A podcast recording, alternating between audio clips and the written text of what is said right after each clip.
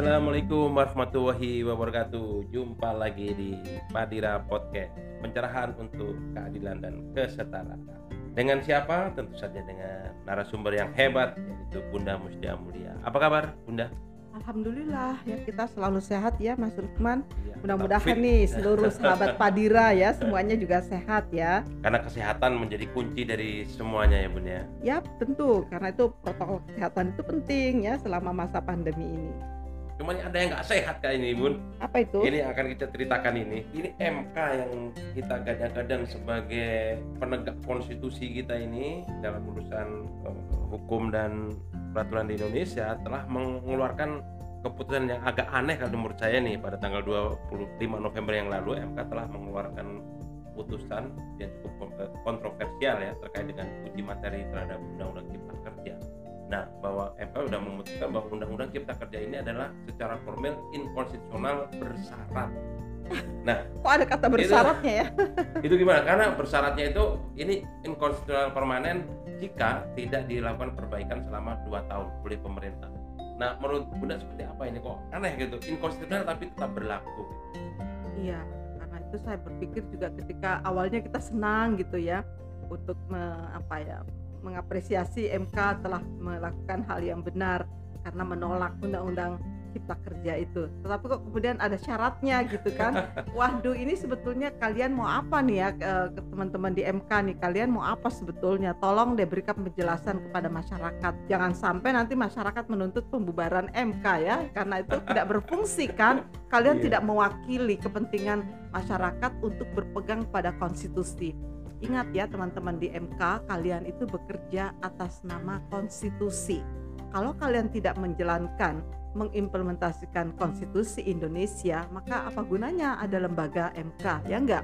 Karena itu saya pikir keputusan MK kali ini sungguh-sungguh mengecewakan, bahkan memalukan ya, bahkan juga menyakitkan ya untuk masyarakat luas. Ya, ini kira-kira ada something di balik MK ini. Ada pendapat ini mungkin MK nyari aman nih, Ini dalam situasi ekonomi politik sekarang ini bahwa MK tidak membatalkan tapi MK juga nggak berani kalau ini tidak eh, memutuskan tidak sesuai dengan konstitusi. Kalau dikatakan mencari aman, aman dari siapa ya? Karena dia sekarang Dari sangat tidak dia sangat tidak aman dari masyarakat kita ya. Apa kalian takut kepada para para mereka yang membayar atau takut kepada masyarakat rakyat yang memiliki eh, yang punya hak penuh ya terhadap Iya. eh, republik ini. Jadi meskipun kami adalah rakyat adalah orang yang tidak apa namanya dikatakanlah tidak mampu, orang yang di, di apa ya dirugikan oleh undang-undang cipta kerja ini. Karena itu menurut saya tolong deh Mahkamah Konstitusi seharusnya merevisi eh, putusannya karena kalau tidak masyarakat akan kehilangan kepercayaan. Apakah kalian mau ya eh, masyarakat kehilangan kepercayaan terhadap Mahkamah Konstitusi karena keputusannya yang tidak konstitusional? Karena itu bagi saya penting sekali bagi masyarakat semua untuk menyatakan sikapnya untuk menolak ya keputusan Mahkamah Konstitusi yang tidak konstitusional ini. Mahkamah Mari kita katakan bahwa.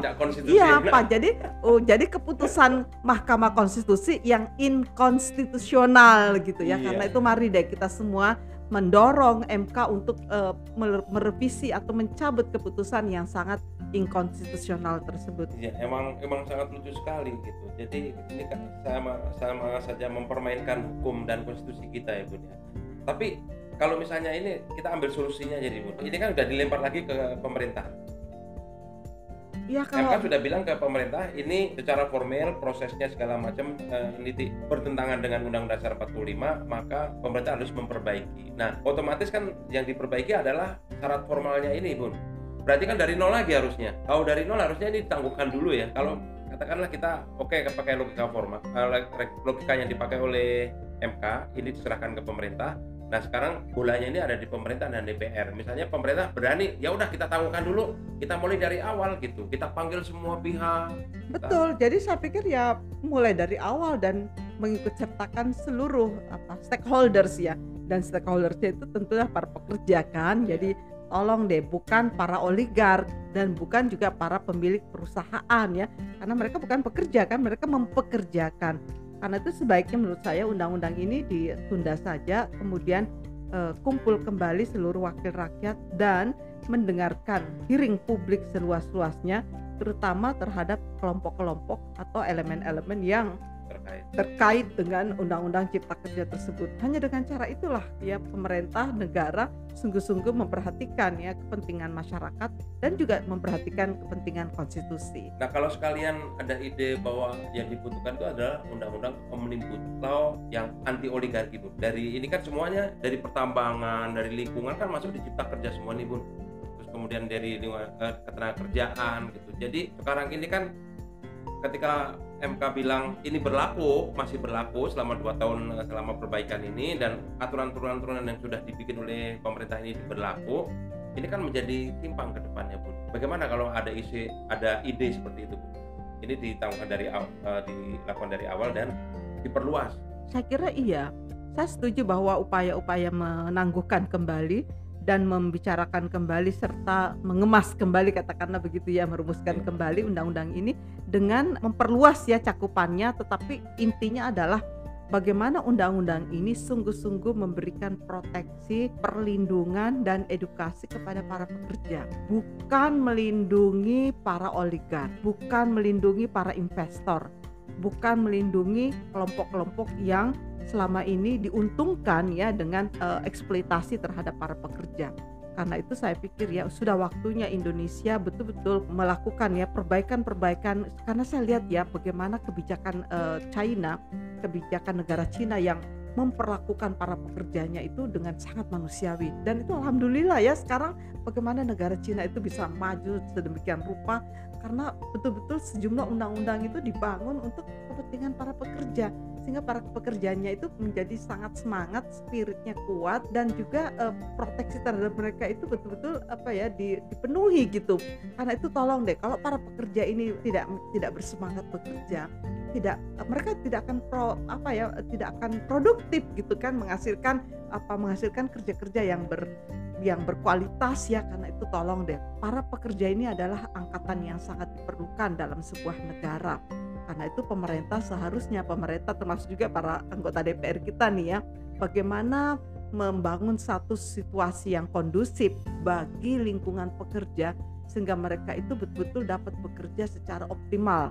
Sehingga apa? Dengan demikian mereka bekerja dengan optimal dan kemudian produktif. Dia menghasilkan ya sesuatu yang membawa kepada kemajuan yang lebih akselerasi kemajuan Indonesia. Karena itu tolong deh segmen pekerja ini harus betul-betul diperhatikan oleh pemerintah sebagai salah satu segmen dalam eh, masyarakat kita untuk apa? Untuk memberikan perhatian yang lebih eh, penuh ya kepada mereka. Nah terkait dengan upah nih agak melenceng dikit dari putusan MK ini. Malah Menteri Tenaga Kerjaan bilang upah buruh Indonesia itu ketinggian karena produktivitasnya kalah dengan bangsa lain katanya jangan begitu ya Menteri Tenaga Kerja tolong deh menghargai ya hak hak pekerja menghargai apa eksistensi pekerja. Kalau nggak ada nggak ada buruh nggak ada pekerja kalian mau ngapain ya? Karena itu tolong deh. Bukannya mengecilkan tetapi mungkin mereka tidak produktif ya karena situasi kondisi di kita Iya, nih betul. tidak mendorong kita untuk bekerja secara produktif tidak mendorong kita untuk bekerja secara bahagia secara senang gembira fun gitu kan? Karena itu ya jangan salahkan pekerja kalau dia tidak produktif. Salahkan kenapa ya Eh, kenapa mesti ada pertanyaan kenapa ya kok pekerja kita kok tidak produktif dibandingkan dengan negara-negara lain karena Terus- konsep industrinya juga Nah, masih amburadul terus juga. terang ya saya itu pernah loh menjadi salah satu eh, supervisor yang ditugaskan ke apa ya ke waktu itu ke Korea Selatan ke Hong Kong dan Taipei untuk melihat seberapa besar ya apa tenaga kerja kita di sana saya melihat eh, bagaimana negara-negara itu memperlakukan para pekerja, para TKW, para TKI kita itu dengan sangat manusiawi. Bagaimana makanannya mereka itu disiapkan secara demikian.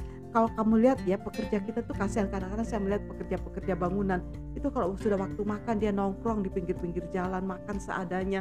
Itu buat saya Iya, itu sangat-sangat tidak manusiawi. Nah, saya melihat para pekerja di Hong Kong, para pekerja di eh, Korea Selatan, para pekerja di Taipei itu memang perusahaannya itu yang menyiapkan menyiapkan makanan layak. khusus. Jadi benar-benar ya mereka tuh dimanusiakan, mereka di disiapkan tempat tidur yang layak. Jadi ada asrama buat mereka. Ya kemudian tempat makan waktu makan saya bilang ya Allah makanannya asik banget ya. Tapi kasihan juga sih masyarakat kita karena sudah terbiasa nggak makan daging ya. Kalau di sana disiapkan daging banyak tuh mereka makannya sedikit nasinya yang banyak. Lalu saya bilang salah makanannya nasinya sedikit aja proteinnya yang banyak. Karena kamu kan membutuhkan tenaga yang besar ya bu katanya kita kan nggak biasa. Nah ini loh kasihan banget ya tenaga kerja kita yang bekerja di luar negeri itu kasihan. Dan setelah itu mereka disuruh tidur ya satu jam. Jadi setelah bekerja empat jam itu tidur satu jam bayangin.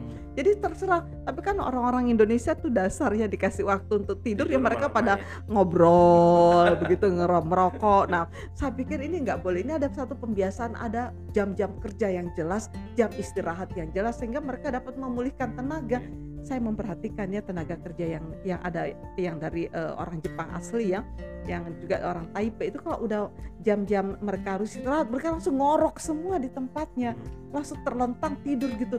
Dan mati kepantesan yang mereka bisa produktif kayak gitu ya. Ini juga satu edukasi ya bagaimana kita membina para pekerja kita untuk bagaimana me mengelola waktunya dengan baik. Kapan dia kerja kerja jangan ngobrol gitu kira-kira. Oke jadi waktunya kerja kerja nggak boleh ngobrol nggak boleh nggak boleh lihat uh, apa gadget nggak pokoknya semua handphone disimpan di satu tempat sehingga mereka nggak main handphone ketika bekerja. Pokoknya ketika bekerja bekerja secara maksimal secara optimal dengan produktivitas yang tinggi. Nah ketika istirahat betul-betul dia istirahat. Tetapi jangan salah ya pemerintah atau para para uh, korporasi yang mempekerjakan mereka tolong deh kamu siapkan tempat yang layak untuk mereka. Terus terangnya saya melihat para buruh di Jakarta ini mereka itu kontrakan ya. Karena saya melihat dekat rumah saya mereka itu ngontrak uh, satu rumah satu kamar itu ditempati untuk 20 orang ya. Aduh itu sangat sangat tidak manusiawi. Tolong deh pemerintah bagaimana ya kalian itu bisa membiarkan para buruh itu tidur? Ya mereka nggak pakai bantal ya tidur terlentang begitu saja. Bagaimana mereka tidur satu kamar itu 20 orang dengan MCK ya yeah. eh, tempat mandi cuci dan eh, itu MCK-nya itu juga sangat jorok begitu ya kalian itu bagaimana kalian mengharapkan produktivitas yang tinggi sementara kalian tidak memberikan apa ya memberikan fasilitas. yang memadai yang memanusiakan manusia. Karena itu saya pikir ini adalah sebuah apa ya sudah waktunya mungkin dengan dengan membicarakan undang-undang cipta kerja ini kita sekaligus mengedukasi diri kita mengedukasi bangsa kita untuk bagaimana memberikan apresiasi yang tinggi terhadap para pekerja dengan menyiapkan fasilitas yang manusiawi bukankah negara berjanji dalam konstitusi kita untuk me, apa ya memberikan apa ya memberikan perlindungan terhadap uh, warga negaranya sehingga mereka berkehidupan secara layak ya? Karena itu tolong deh kalian semua para para wakil-wakil pemerintah, wakil-wakil rakyat di DPR, kalian semua bertanggung jawab bagaimana memperbaiki nasib para buruh, nasib para pekerja sehingga mereka menjadi orang-orang yang layak hidupnya sehingga mereka barulah setelah kalian mem memberikan uh, fasilitas yang layak barulah kalian boleh menuntut produktivitas yang tinggi dari para pekerja dan dari para buruh. Iya. Oke, ini berangkat dari keputusan MK yang aneh bin ajaib. Ini solusi yang ditawarkan dalam podcast ini adalah yang pertama untuk pemerintah dan DPR untuk segera menangguhkan undang-undang cipta kerja dan mengawali dari awal ya. Memulai dari awal memanggil semua stakeholder dan seluas-luasnya menjaring aspirasi dan masukan. Yang kedua untuk SK sendiri yang telah memutuskan keputusan yang inkonstitusional untuk segera mencabut keputusan tersebut. Nah yang ketiga terkait dengan produktivitas. Pekerja kita seharusnya pemerintah sebelum menyimpulkan terutama dari Menaker bahwa pekerja di Indonesia kurang produktif, seharusnya pemerintah menyediakan fasilitas-fasilitas untuk mendukung produktivitas tenaga kerja di Indonesia. Itu saja sahabat Padira, sampai jumpa lagi di topik-topik selanjutnya. Wassalamualaikum warahmatullahi wabarakatuh. Salam Padira. Pencerahan untuk keadilan dan kesetaraan.